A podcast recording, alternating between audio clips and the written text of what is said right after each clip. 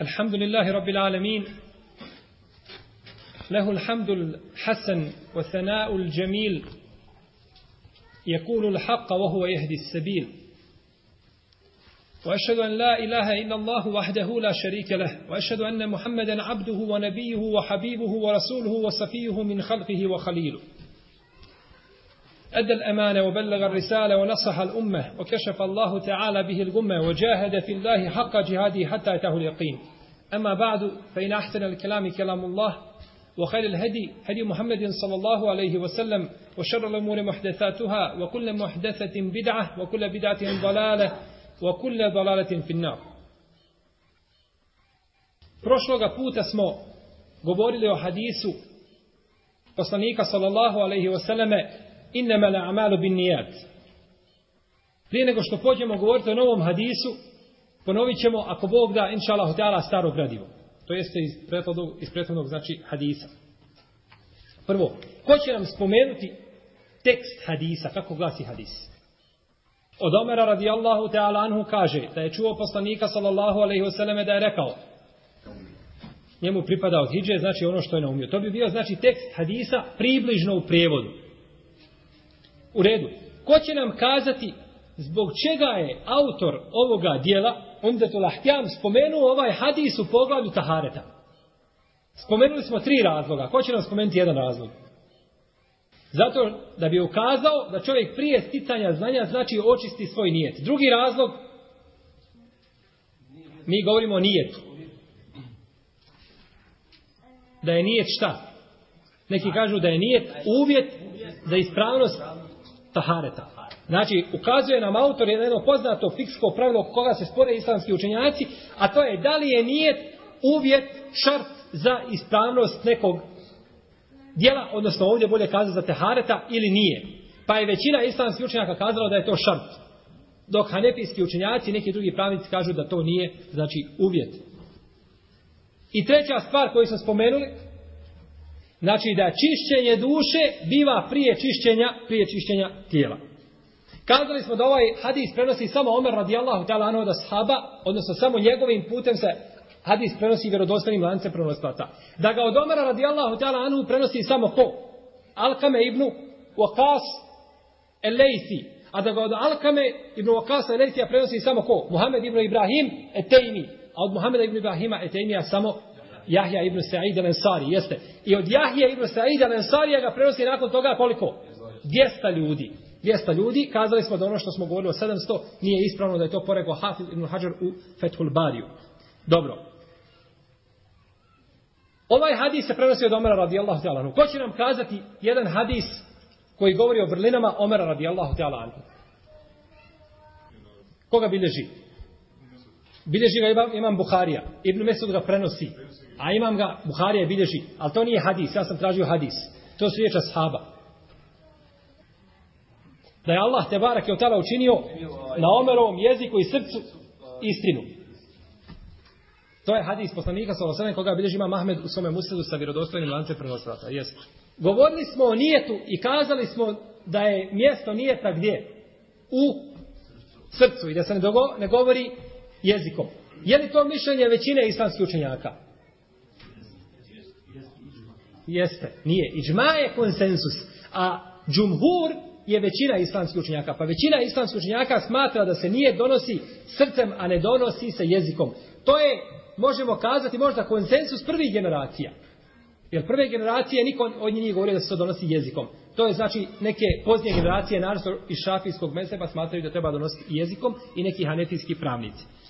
Ko će mi kazati dokaz da je čovjek nagrađen za svoj nijet? Da ga Allah nagrađuje po njegovom nijetu. Za njegov nijet da ga nagrađuje. Sveske sada treba biti zatvorene. Jer ako ćemo čitati, onda ja znam da svi znamo. Ko će kazati mi dokaz iz sunneta poslanika sallallahu alaihi sallam da čovjek biva nagrađen zbog svoga nijeta? Reci. Znači u hadisu koga bilježemo imam Ebu Jala u svome mustadu i koga je dobrim ocijenio Hafil Rirafi u svojim opaskama na Elihija, kaže poslanik sallallahu alaihi sallam da, je, da će Allah te barak i znači kazati na sudnjem danu melecima, ovo je dakle hadisi kudcija, da će Allah šanu ono kazati melecima, upišite mome robu takvu i takvu nagradu. Pa kažu, gospodar naš, mi to nismo našli u njegovim sahifama. Nemamo to da je on to uradio. Ali kaže, on je to nanijetio, on je to nanijetio, pa mi to upište. Ima još jedan drugi hadis koji je slab, koga smo spominjali. Kako glasi on? Samo ruka. Da ne bi nas deset govorilo jedan put. Nije, mu'mina je vrijedniji od njegovog dijela. Kazali smo da je taj hadis slab, da ga bilježi ko imam Tabarani u El Kebiru, da ga bilježi imam El Bejheqi u Šobu Limanu i da je slab. Da je slab, znači da nije ispravan. Kada bi bio ispravan, kako bismo protumačili taj hadis? Govorili smo pet ili šest načina tumačenja toga hadisa. Od deset koje je spomenula islamska ulema, mi smo spomenuli pola. Ko će nam spomenuti nešto toga? Odlično. Znači čovjek je nanijetio da obavi namaz po sunetu poslanika sallallahu sallam kako treba. I promakne ga nešto. Promakne ga nešto od sunneta, promakne ga neka dova, promakne ga nešto toga, ima nagradu kao da ga je obavio po sunnetu. To je jedan od dokaza, odnosno jedan od tumača ovoga hadisa da bi nije bio bolji od čega? Od samog djela. Zaista ovdje je nagrađen po nijetu, a nije po djelu. I hvala Allahu Đelšanu koji čovjeka nagrađuje po nijetu, a nije po djelu. Koje je to drugo tumačenje hadisa? Bravo, tako je. Znači, kada bi čovjek nanijetio i kaže, ako budem gospodar moj, ako me poživiš 200 godina, 250, kao što je živio Selman el Farisija, ja ću obožavati tebe, gospodar moj, na istini na haku. Pa ga Allah žanu usmrti sa 60, sa 50, sa 40 i tako dalje. Ima nagradu onoga svega što je, znači, nanijetio. Pa bi tako bio nijet bolji od, od njegovog djela. Ispominjali smo neke druge, ovaj, jeli, e, e, načine tumačenja ovoga hadisa koje treba ovaj ponoviti, znači koje treba zapamtiti. Jer ponekad, braćo, nije svaki slab hadis da o njemu ne treba ništa znati. Slab hadis i neko ti dođe kaže, pogledaj da je nijet bolji od djela. Ti mu kažeš prvo taj hadis slab, on kaže ne, kod mene taj hadis vjerodostojan. E dobro, ako je kod tebe vjerodostojan, onda hajde da ti ga ja protumačim kako treba. Pa mu ga protumačiš, pa opet oboriš njegove dokaze. Znači, srušiš ono čime dokaziva. U redu. Šta znače riječi innemele a'malu binijat? Znače, naravno, značenje, djela se cijene prema namjerama. Ali kakav je komentar ti riječi, kakav je tefsir? Šta znače te riječi, spominjao sam. Šta znači te riječi? Ko će mi protumačiti? Nema, djela se cene prema namjerama. Šta znači to? To znači u stvari šta? Da ne vrijedi djelo bez nijeta. Ne, djela se cijene prema namjerama. Govorili smo da je značenje ti riječi, odnosno snaga tog izraza jeste šta? Da ne vrijedi i da Allah neće prim djelo bez, bez nijeta. Šta potvrđuje ovo što smo kazali? Iz istog hadisa. Nastavak hadisa dalje vraća. O innema li kul imrin maneva. I svakom čovjeku pripada ono što na nijeti. Znači ne pripada ono što ne na nijeti. Nastavak hadisa potvrđuje znači taj prvi, taj prvi dio o kome smo govorili. Spomenuli smo jedan hadis koga vidiš imam Ebu Dawud u svome sunenu. Koji isto ukazuje da čovjeku pripada ono što na nijeti. Koji je to hadis? I čega je na arapski ga je zapisivo jedan od braća. Spomenuli smo hadis u kome je poslanik sallallahu alejhi ve sellem kaže men etal mesjide li shay'in fa huwa hadlu. Ko dođe u džamiju zbog neke stvari ima nagradu od toga što je došao. Pa ko je došao u džamiju da obavi namaz, fard, ima nagradu farda. Ko je došao da obavi teraviju, ima... Ko je došao na Bajram, a nije došao na Sabah, ima nagradu Bajrama, nema Sabah. Znači ima nagradu onoga što je nanijetio. Povodom čega si došao u džamiju. Kazali smo još da riječi innemel amalu bin nijat dijela se cijene prema namjerama ukazuju da svaki čovjek mora sam zasebno donijeti nijet za sebe. Da ne može niko ni za koga donositi nijet, pa smo spomenuli neke od iznimki Tako je, za ma, znači za malodobno dijete može čovjek nijeti ili što je brat spomenuo za zekat kada bi neko dao za nekoga, izdvajao zekat, može znači zanijetiti za njega da daje znači na njegovo ime. Na kraju hadisa poslanik sallallahu alejhi ve kaže Femen kjane hijđetuhu ila dunja yusibuha au imra'atin jen jetezevođuha fe hijđetuhu ila ma hađere ilaihi. Njegova hijđa je, čija hijđa bude dunjaluku ili nekoj ženi da je oženi, njegova hijđa pripada onome što je naumio ili ima od, ono, od hijđa ono što je naumio. Zašto poslanik sallallahu alejhi ve sellem nije ponovio ponovo riječ ima od dunjaluka opet dunjaluku? Zato što, znači da se ne bi ponovio spomen riječi Dunjaluka, a Dunjaluk je bezvrijedan, jer arapski primjer kaže men ehabbe šejen ekstere min zikrihi. Ko zavoli neku stvar, on je puno spominje. Mi smo na kraju prošlog predavanja spominjali razlog zbog koga je objavljen ovaj hadis. Pa smo kazali da se spominje predaja da je jedan od ashaba htio da oženi jednu ženu koja se zvala Umu Kajs, pa je zbog nje učinio hijđu da bi je oženio. Pa kad je to spomenuto poslaniku sallallahu sallam rekao je ovaj hadis. Pa smo kazali da je Ibnu Ređep al-Hambeli u svome dijelu al-đamije kazao da je ova predaja slaba, da je nema sa lancem predložilca. Ja sam našao predaju koju bilježi imam El Tabarani u svome Mođemul Kebiru u devetom tomu.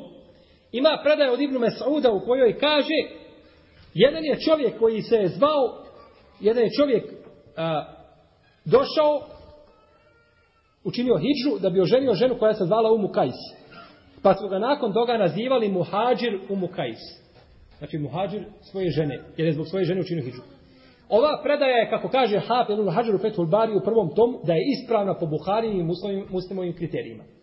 No međutim, kako ćemo sad pomijeti između onoga što smo kazali, da nema vjerodostojne predaje koja ukazuje da, da je ovaj hadis objavljen ovim povodom i između ove predaje. Kako da pomirimo? Jednostavno. U prvoj predaji u kojoj se spominje da je hadis objavljen ovim povodom, nije ta predaja vjerodostojna. A u ovoj predaji nije spomenuto da je ovaj hadis objavljen tim povodom. Ovo se kaže bio je čovjek koji je obavio hijđu da bi oženio ženu u Mukajs. Pa su ga zvali Muhađir u Mukajs. Je li spomenuto u ovoj predaji da je objavljen zbog toga povoda ovaj hadis i da je poslanik s.a.v. rekao ovaj hadis tim povodom? Nije spomenuto. Pa prema tome ne može biti argument. Tako da nema znači jasnog argumenta koji bi na to, koji bi na to ukazao. I našao sam još jednu predaju kod imama Nesaije u njegovom sunenu za koju Hafil ibn Hajar kaže u desetom, u devetom tomu Fethul Barija da je ispravna od Enesa radijallahu ta'ala anhu kaže Došao je Ebu Talha i tražio Umu Sulejm da mu bude žena. Prosio je. Pa mu je kazala o Ebu Talha. Čovjek kao ti se ne može odbiti. Nemoguće odbiti čovjeka kao ti. Zaista vrijedan si svake vrline. No međutim kaže ti si čovjek kjatir, a ja sam žena muslimanka pa ti nisam dozvoljena. Kaže primi islam pa će to biti moj mehr. Pa je primio islam i oženio je. Pa je primio islam i oženio je. Kaže Sabit el Bunijani, koji prenosi hadis od Enesa ibn Malika, kaže, nisam nikada čuo za ženu u islamu da je imala, ljep, imala ljepši mehr. To je, kaže, najljepši mehr što je moglo biti u islamu, da je žena tražila čovjeka nevjernika da primi islam, da bi nakon toga bila mu žena. La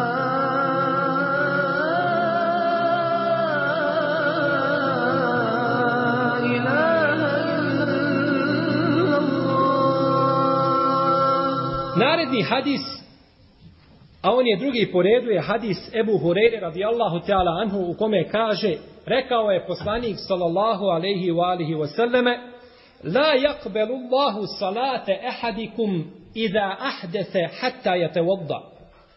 Ne prima Allah namaz jednoga od vas kada izgubi abdest sve dok se ponovo ne abdesti. Ne prima Allah namaz jednoga od vas kada izgubi abdest sve dok se ponovo ne abdesti. Ovaj hadis prenosi Ebu Horeira radijallahu ta'ala anhu, a Ebu Horeira je poznati ashab, oko njegovog imena postoje velika razilaženja među istoričarima. Razilaze se na više od 30 mišljenja. Ne zna se pravo ime Ebu Hureyre. Znači ne može se kategorički tvrditi kako je njegovo ime, ali ono što su odabrali mnogi islamski učenjaci jeste da se on zvao Abdurrahman ibn Sahr. Abdurrahman ibn Sahr. To je najjače mišljenje, znači da mu je bilo ime Abdurrahman ibn Sahr. Rođen je 31 godinu nakon godine slona. 31 godinu znači nakon godine slona.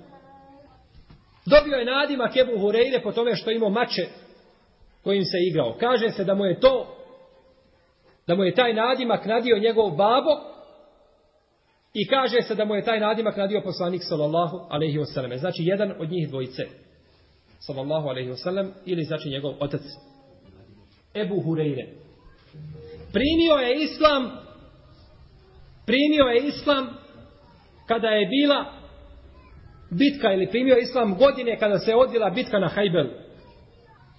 A to je bilo sedme hiđarske godine ili šeste po drugom mišljenju. Znači ili šeste ili sedme hiđarske godine shodno onome kako su spomenuli istoričari, jer nemaju jednoglasan stav kada se je desila bitka na Hajberu. Znači šeste ili sedme hiđarske godine. U sunetu poslanika sallallahu alejhi ve sellem se navodi nekoliko hadisa koji govore o odlikama, vrlinama Ebu Hureyre radijallahu ta'ala anhu. Pa na primjer bileže Buharija i Muslim u svojim vjerodostojnim hadijskim zbirkama da je poslanik sallallahu alejhi ve jednoga jednog dana bilježe imam Buharija i Muslim u svojim vjerodostojnim hadijskim zbirkama da je poslanik sallallahu alejhi ve jednoga jednog dana rekao ashabima ko će mi prostrti svoj ogrtač na zemlju dok ne završim ovaj svoj govor pa će ga potom uzeti i neće nikad ništa zaboraviti. Kaže Ebu Horeira radijallahu ta'ala anhu, pa sam prostruo svoj ogrtač, dok poslanik sallallahu alaihi sallam nije završio sa svojim govorom, pa sam nakon toga uzeo taj ogrtač i tako mi onoga učio je moje ruci, moja duša, nikad više nakon toga nisam ništa zaboravio što sam čuo od poslanika sallallahu alaihi wa alaihi wasallam. I bilježi imam Buharija u svome dijelu sahih od Kajsa ibn Ebi Hazima da je kazao, rekao Ebu Horeire, kaže, ja sam ponekad znao da padnem između kabra poslanika sallallahu alejhi ve selleme i njegovog mezara. Pa bi prišao jedan od ashaba i svojom nogom kaže pritisnuo moj brat, misleći da sam lud. A kaže tako mi Allah ja nisam lud, već sam gladan. Već sam gladan. Zato su govorili ashabi, ensarije i muhađiri, ponavrešto muhađiri, nas je, kaže, zabavilo udaranje ruke od ruku na pijaci, prodaja. Dok je, kaže Ebu Hurere radijallahu ta'ala anhu slušao hadisa od poslanika sallallahu alaihi wa alihi wa sallam. Pominje Ibn Sad u Tabakat kubra predaju da je poslanik sallallahu alaihi wa sallam dovio Ebu Hureyri da ga zavoli svaki vjernik i svaka vjernica. I ovu predaju također spominje Hafiz Ibn Hajar u svome dijelu Elisabe, da ga zavoli svaki vjernik i svaka vjernica. I spominje imam Ibn Muflih, jedan veliki hambelijski pravnik, u svome dijelu El Maksadul Eršed fi zikri ashabil imami Ahmed. Od imama Ahmeda da je rekao, sanjao sam poslanika, sallallahu alaihi wasallam, jedno veče, pa sam ga upitao, o Allahov poslaniće, ono što prenosi Ebu Hureyre od tebe od hadisa, je li to ispravno, je li to hak? Pa je kazao poslanik, sallallahu alaihi wasallam, jeste.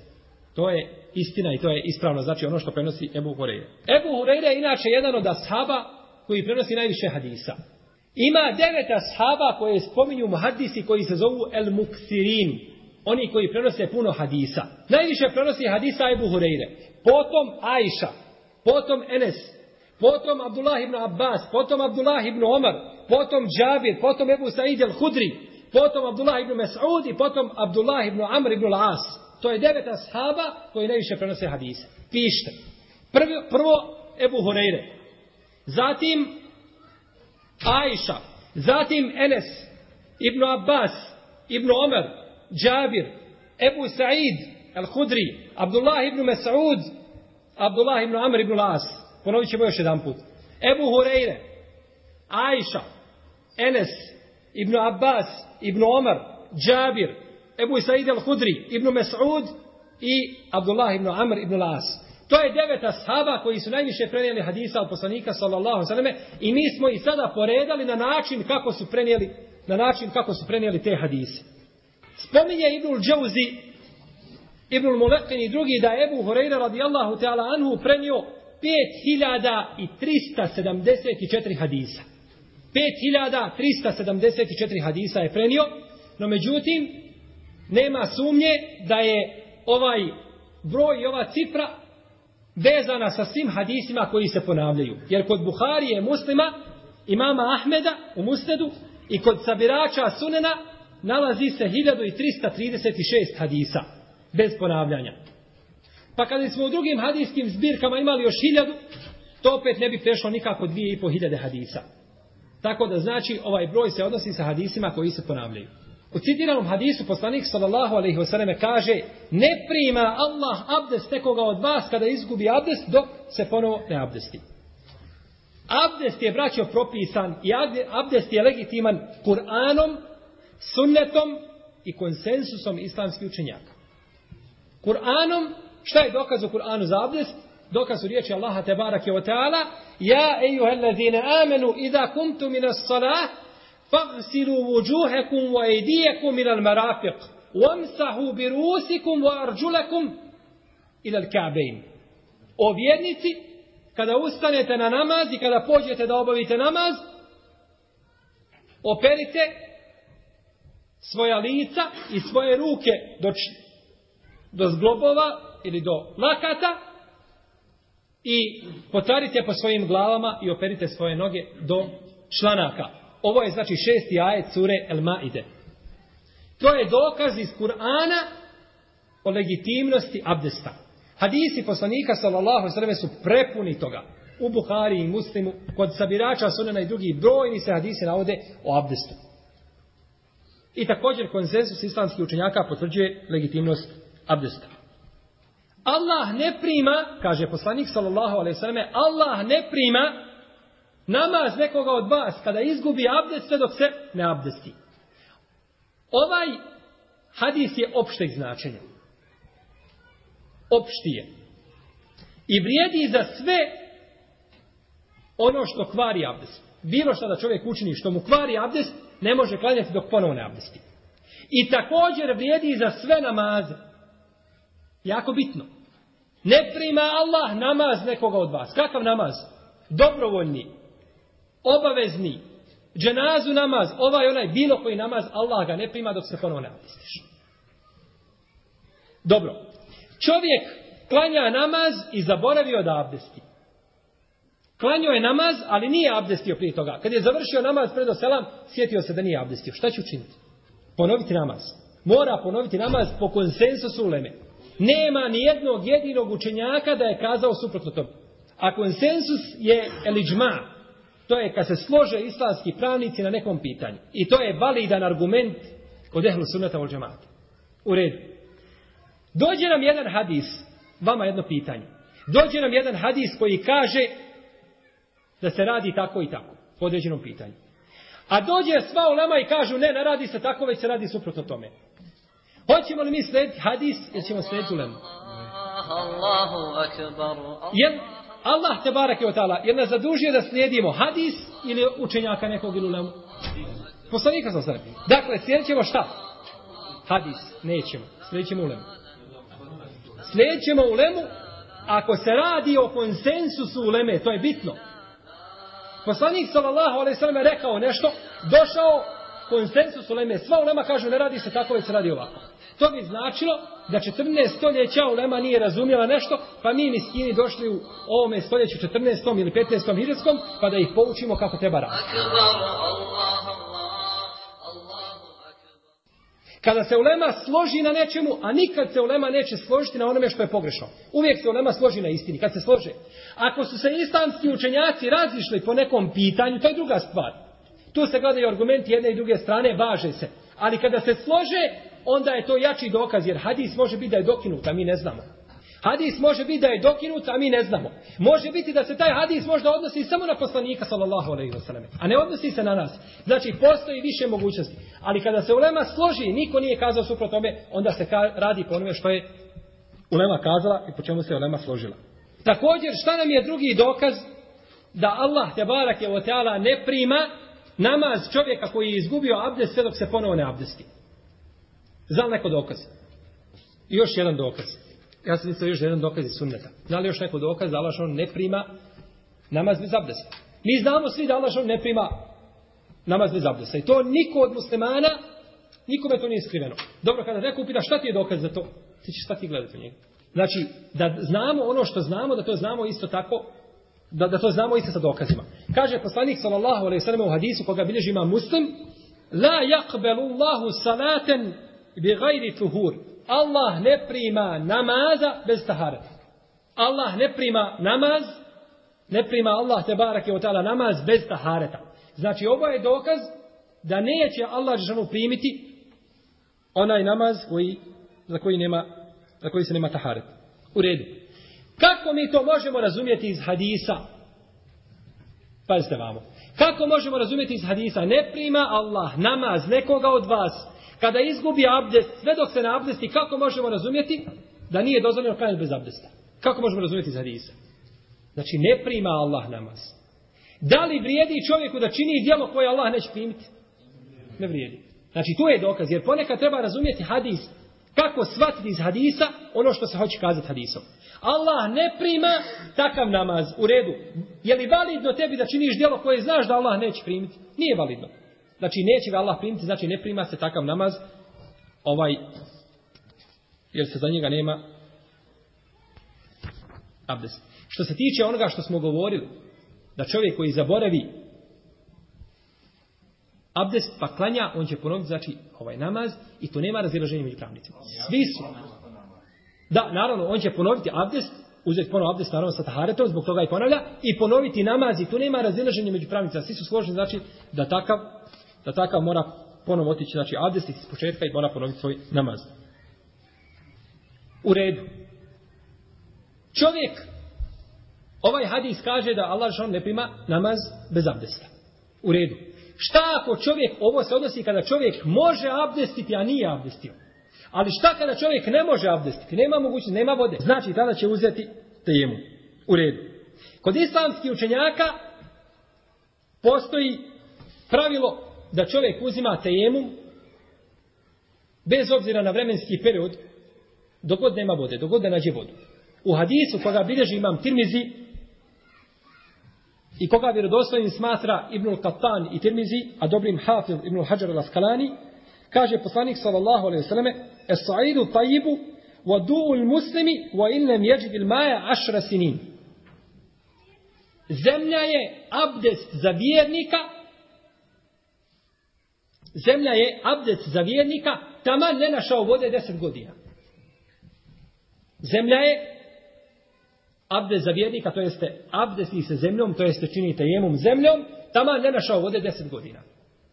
Pogledajte, draga moja braćo, kakva je milost Allaha te barak tjela prema njegovim robovima i da ih ne opterećuje preko njihovih mogućnosti. Deset godina čovjek živi, ima vodu samo za piće i za tuširanje i za osnovne svoje potrebe, on će uzimati temu. Neće se, znači, abdest s takvom vodom. Čovjek izišao na put, ima vodu za piće, auto mu troši vodu, mora u auto stavljati vodu, ne može doći do odredišta, uzima tejemom, a ostavlja tu vodu za potrebe. Čak se islamski učenjak spore da li je čovjek obavezan da kupi, naišao i neko prodaje vodu. Da li mora kupiti vodu da se abdesti? Tu se znači vodi spor. Neki učenjaci kažu da ne mora kupiti, ako po tom pitanju znači ima poseban propis o kome ne možemo sada govoriti, ali to nije tema, znači ovoga hadisa. Razišli se islamski učenjaci kada je propisan abdest. Znači, kada je došlo do propisivanja abdesta. Neki pravnici, pojedinci kažu da je abdest u prvo vrijeme islama bio sunnet. Pa potom propisan kao farz. No međutim, ispravno ono što kaže Džumhur, da je abdest od prvog vremena bio obavezan. Da je abdest od prvog vremena bio obavezan za namaz.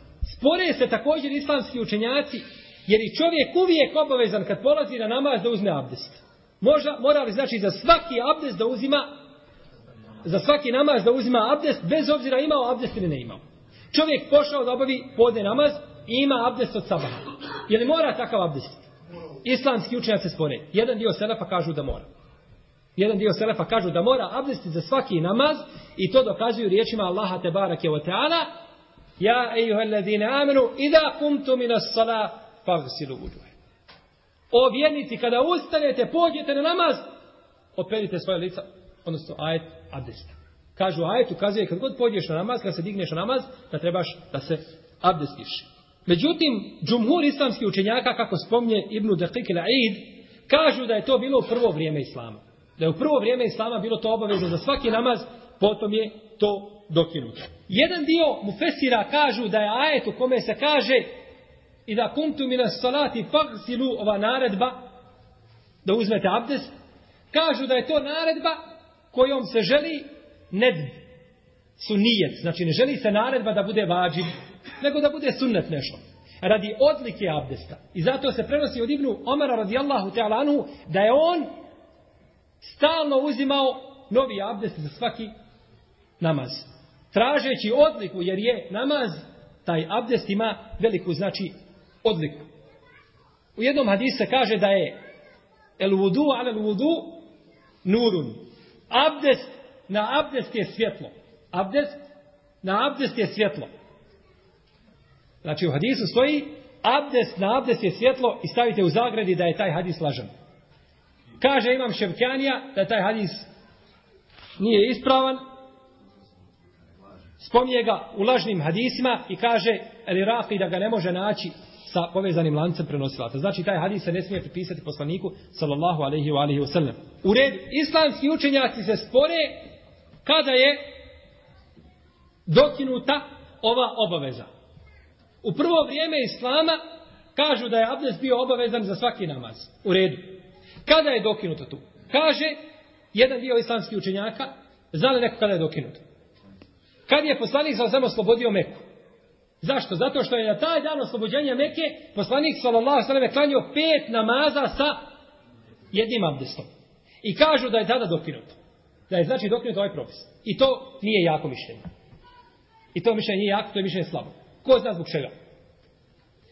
Nije jako mišljenje zato što se prenosi kod Buharije u njegovom sahihu da je poslanik sallallahu alaihi wa alihi wa sallam na bitci na Hajberu klanjao i kindiju i akšam sa jednim abdestom. A kada se je desila bitka na Hajberu? Bitka na Hajberu je bila šeste ili sedme hijđarske godine. Kako se spomnjali? Malo prije su spomnjali. Hajber. Bitka na Hajberu. Na Hajberu. Bitka na Hajberu je bila ili šeste ili sedme hijđarske godine. Kada je Ebu Hureyre šta? Primio islam. U redu. A oslobađanje Meke kada je bilo? Koje godine? Osme hiđarske godine. Osme hiđarske godine je bilo oslobađanje Mekke. Nećemo kazati osvajanje, nego oslobađanje Mekke bilo je osme. Pa je znači poslanik sallallahu sallam prije osme godine klanjao dva namaza sa jednim abdestom. Pa ovo ukazuje znači da nije dokidanje ovoga propisa bilo osvajanje Mekke, već da je bilo prije toga. Jesi. Poslanik sallallahu alejhi ve sellem je imao običaj da stalno abdesti za novi namaz. Kaže Enes radijallahu ta'ala anhu u predaji koju bilježi Buharija, abdestio je poslanik sallallahu alaihi sallam za svaki namaz bez obzira imao abdest ili ne imao abdest. Pa su upitali Enesa, a kako ste vi to činili? Kaže, mi smo, kaže, abdestili jedan abdest. U drugoj predaji kod Buharije kaže, bio nam je dovoljan jedan abdest dok ga ne izgubimo. Bio nam je dovoljan jedan abdest dok ga ne izgubimo. Znači, to je dozvoljeno. Ali je sigurno bolje ono što je poslanik sallallahu alaihi sellem činio, osim u iznimnim situacijama, znači da se abdestio za svaki, za svaki namaz pona osob. I ovdje kažu islamski učenjaci, većina mu fesira, većina mu fesira tumači ajet, kada ustanete na namaz, ili kada pođete namazu, operite svoja lica, oni kažu da ima ovdje ono što smo spominjali jedan dan, a to je da ima jedna rečenica ili jedan dio koji nije spomenut. Kažu, ja ejuhellezine amenu, ida kumtu mila sala, wa entum muhdisin, o vjernici, kada pođete na namaz, a vi nemate abdesta, a vi nemate abdesta, to je u zagradi. Onda operite svoja lica, to jest uzmite abdest. Pa tako tumače znači ovaj ajet. Pa hoće kazati da ima u ajetu nešto što nije spomenuto, a to je da se abdest znači uzima samo i naredba za uzimanje abdesta je onda kada čovjek nema abdesta, nije ga imao ili kada ga je izgubio. Islamski učenjaci fakihi raspravljaju, raspravljaju o jednoj meseli, o jednom pitanju, o čovjeku koji nema mogućnosti ni da se abdesti, ni da uzme temu. Čovjek bolestan na svojoj posteli nepomičan. Ili čovjek zavezan kod neprijatelja, zavezali ga. Pa ne može ni jedno ni drugo. Šta će učiniti? Po ome mišljenju imaju četiri stava. Po ome pitanju imaju četiri stava. Mi ćemo spomenuti dva. Da ne ulazimo znači puno u razilaženja, spomenut ćemo dva najpoznatija stava. Prvi stav je stav da se kaže da će klanjati onako kako se nalazi u halu kome se nalazi i bez abdesta. I neće ponavljati namaz klanja kako može bez abdesta i neće ponavljati namaz. Drugi stav je stav imama Malika i drugih učenjaka koji kažu ako se ne može abdestiti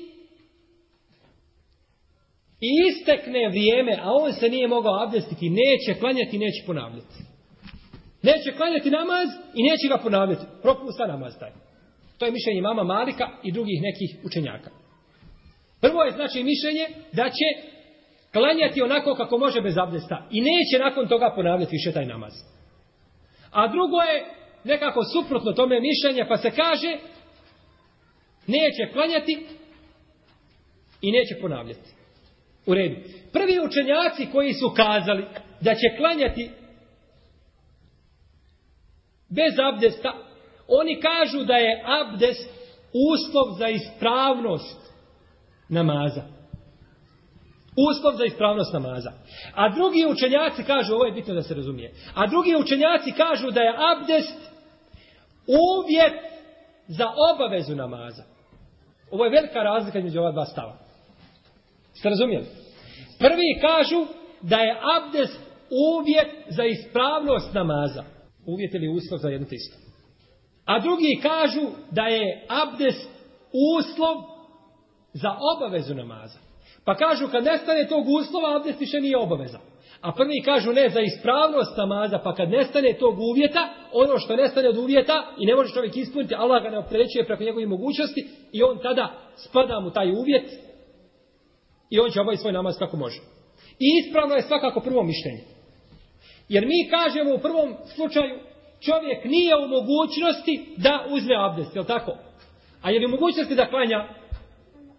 Jeste u mogućnosti da klanja onako kako jeste. Dobro, ti si ga oslobodio abdesta, a zašto ga oslobađaš namaza? Je tako? Oslobodio si ga ono što ne može u redu, a zbog čega ga oslobađaš onoga što može? Allah ne opterećuje čovjeka preko njegovih mogućnosti, pa čovjek u tom slučaju mora klanjati bez abdesta i mora klanjati na halu i u halu u kome se nalazi i neće nakon toga više ponavljati svoj namaz. Također ovaj hadis ukazuje da čovjek kada izgubi abdest, bilo da se radilo da ga je izgubio namjerno ili nenamjerno, mora ponoviti svoj šta? Abdest. I namaz ako je u namazu.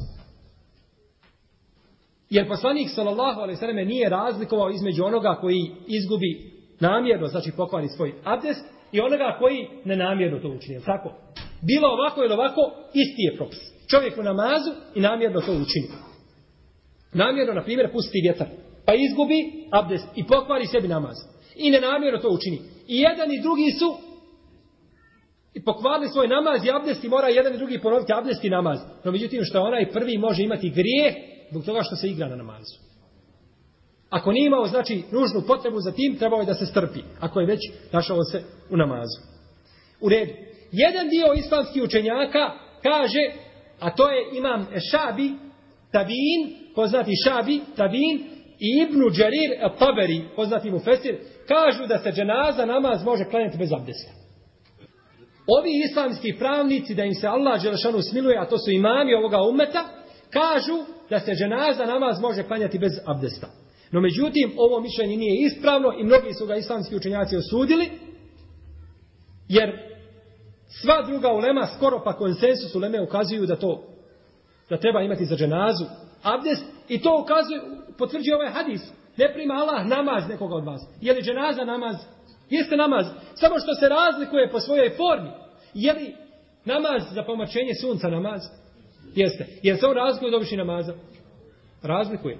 Koliko on ima rukua? Dva rukua. Na svakom rekiatu po dva rukua. Evo razlike. A dženaza nema rukua i seždi. To je razlika u formi. Ali što se tiče namaza, to ostaje da je namaz. Pa je dženaza namaz, pa je namaz za pomračenje sunca namaz, pa je sabah namaz. To sve namazi. Samo se razlikuju u svojoj, u svojoj formi, znači. U redu. Kada bi čovjek namjerno klanjao bez abdesta, kakav je propis? Namjer, čovjek zna, nema abdesta i stanje klanja bez abdesta. Kaže većina islamskih učenjaka da je griješnik, da je griješan. Kaže ima Ebu Hanife da je kjafir. Kažu da je kjafir. Zbog čega? Ko zna?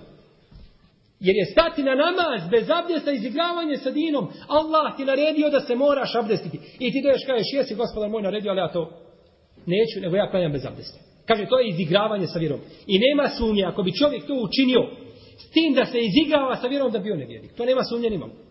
Jer izigravati se sa vjerom bilo čime, a naročito sa namazom, sa glavnim, centralnim, onim praktičnim obredom, je sigurno nevjerstvo Allaha Đaša.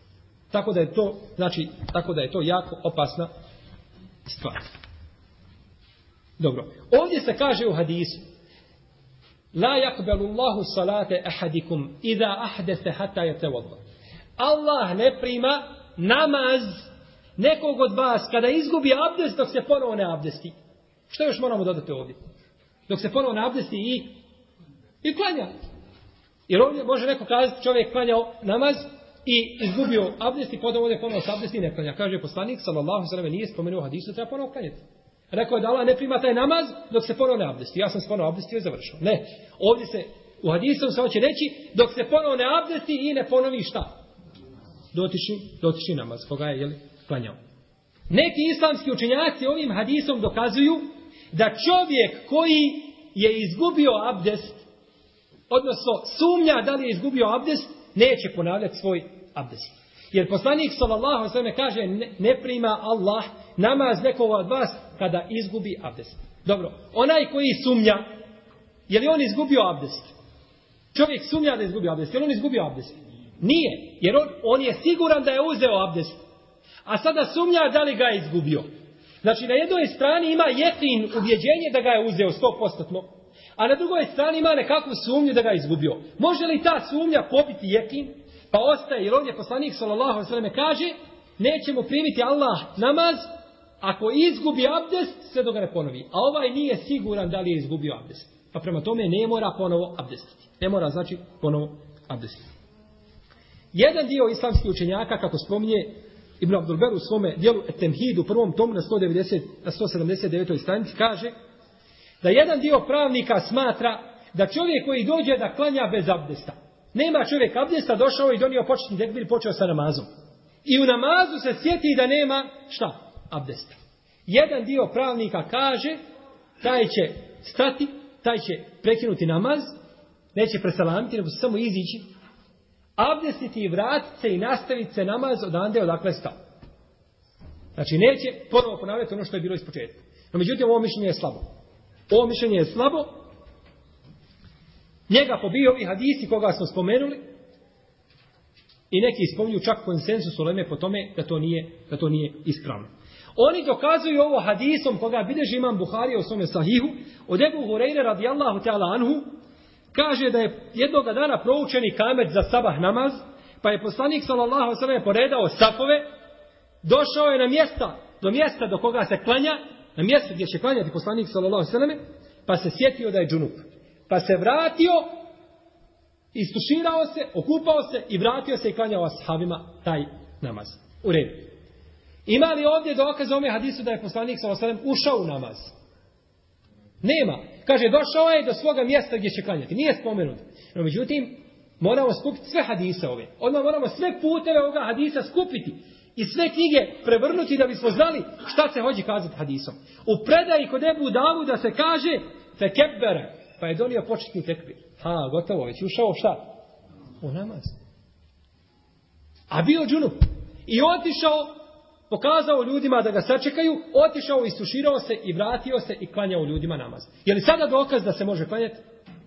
Je li sada dokaz da može nastaviti tamo gdje je stao? Nije. Zašto nije? Nije kazan. Zato što ovdje se kaže, donio je početni tekbir, otišao je poslanik sa okupao se i vratio se i klanjao namaz. Je li spomenuto da je poslanik sa osanem nastavio na mjestu gdje je stao? Nije. Može li biti argument? Ne može. Jer ovdje, ovo su precizne stvari. Poslanik s.a.v. je došao i počeo u redu. Mi priznajemo vjerodostojnost Hadisa. U predaje Ebu Davuda koja je vjerodostojna, koju vjerodostojno smatra šejh Albani i drugi, kaže se da je poslanik s.a.v. donio počni tekbir u redu. Otišao, istuširao se i vratio se i klanjao im namaz. Jer kazano da je nastavio? Nije. E da je kazano da je nastavio, tad bi bio kategorički dokaz. No, međutim, u ovom slučaju ne može biti dokaz, pa se mi vraćamo na hadis, na naš hadis, koga smo danas imali, u našem predavanju kome se kaže ne prima Allah namaz nekoga od vas kada izgubi abdest dok se ponovo ne abdesti i ne klanja taj namaz. Pa bi tako bilo ispravno da čovjek znači bilo bi pokvareno znači ono što se već desilo. E ovdje se jedino izuzima braćo kada bi čovjek klanjao kao imam džematu pa završio namaz i sjetio se. E tad džemat ne mora ponavljati nego samo imam ponavljati. I tako se prenosi od Omara radijallahu ta'ala anhu da uradio. Jedno jutro Omar radijallahu anhu izišao i ashabima klanjao sabah namaz džunup. I kada se je sjetio, nakon namaza, istuširao se i sam za sebe klanjao namaz. A dok, to, dok se čovjek sjetio na ovom slučaju namazu, mora znači ponoviti se namaz iz početka. Wallahu ta'ala alam, wa sallallahu ala nebina Muhammedu, wa ala alihi wa sahbihi ajma'in, wa jazakum al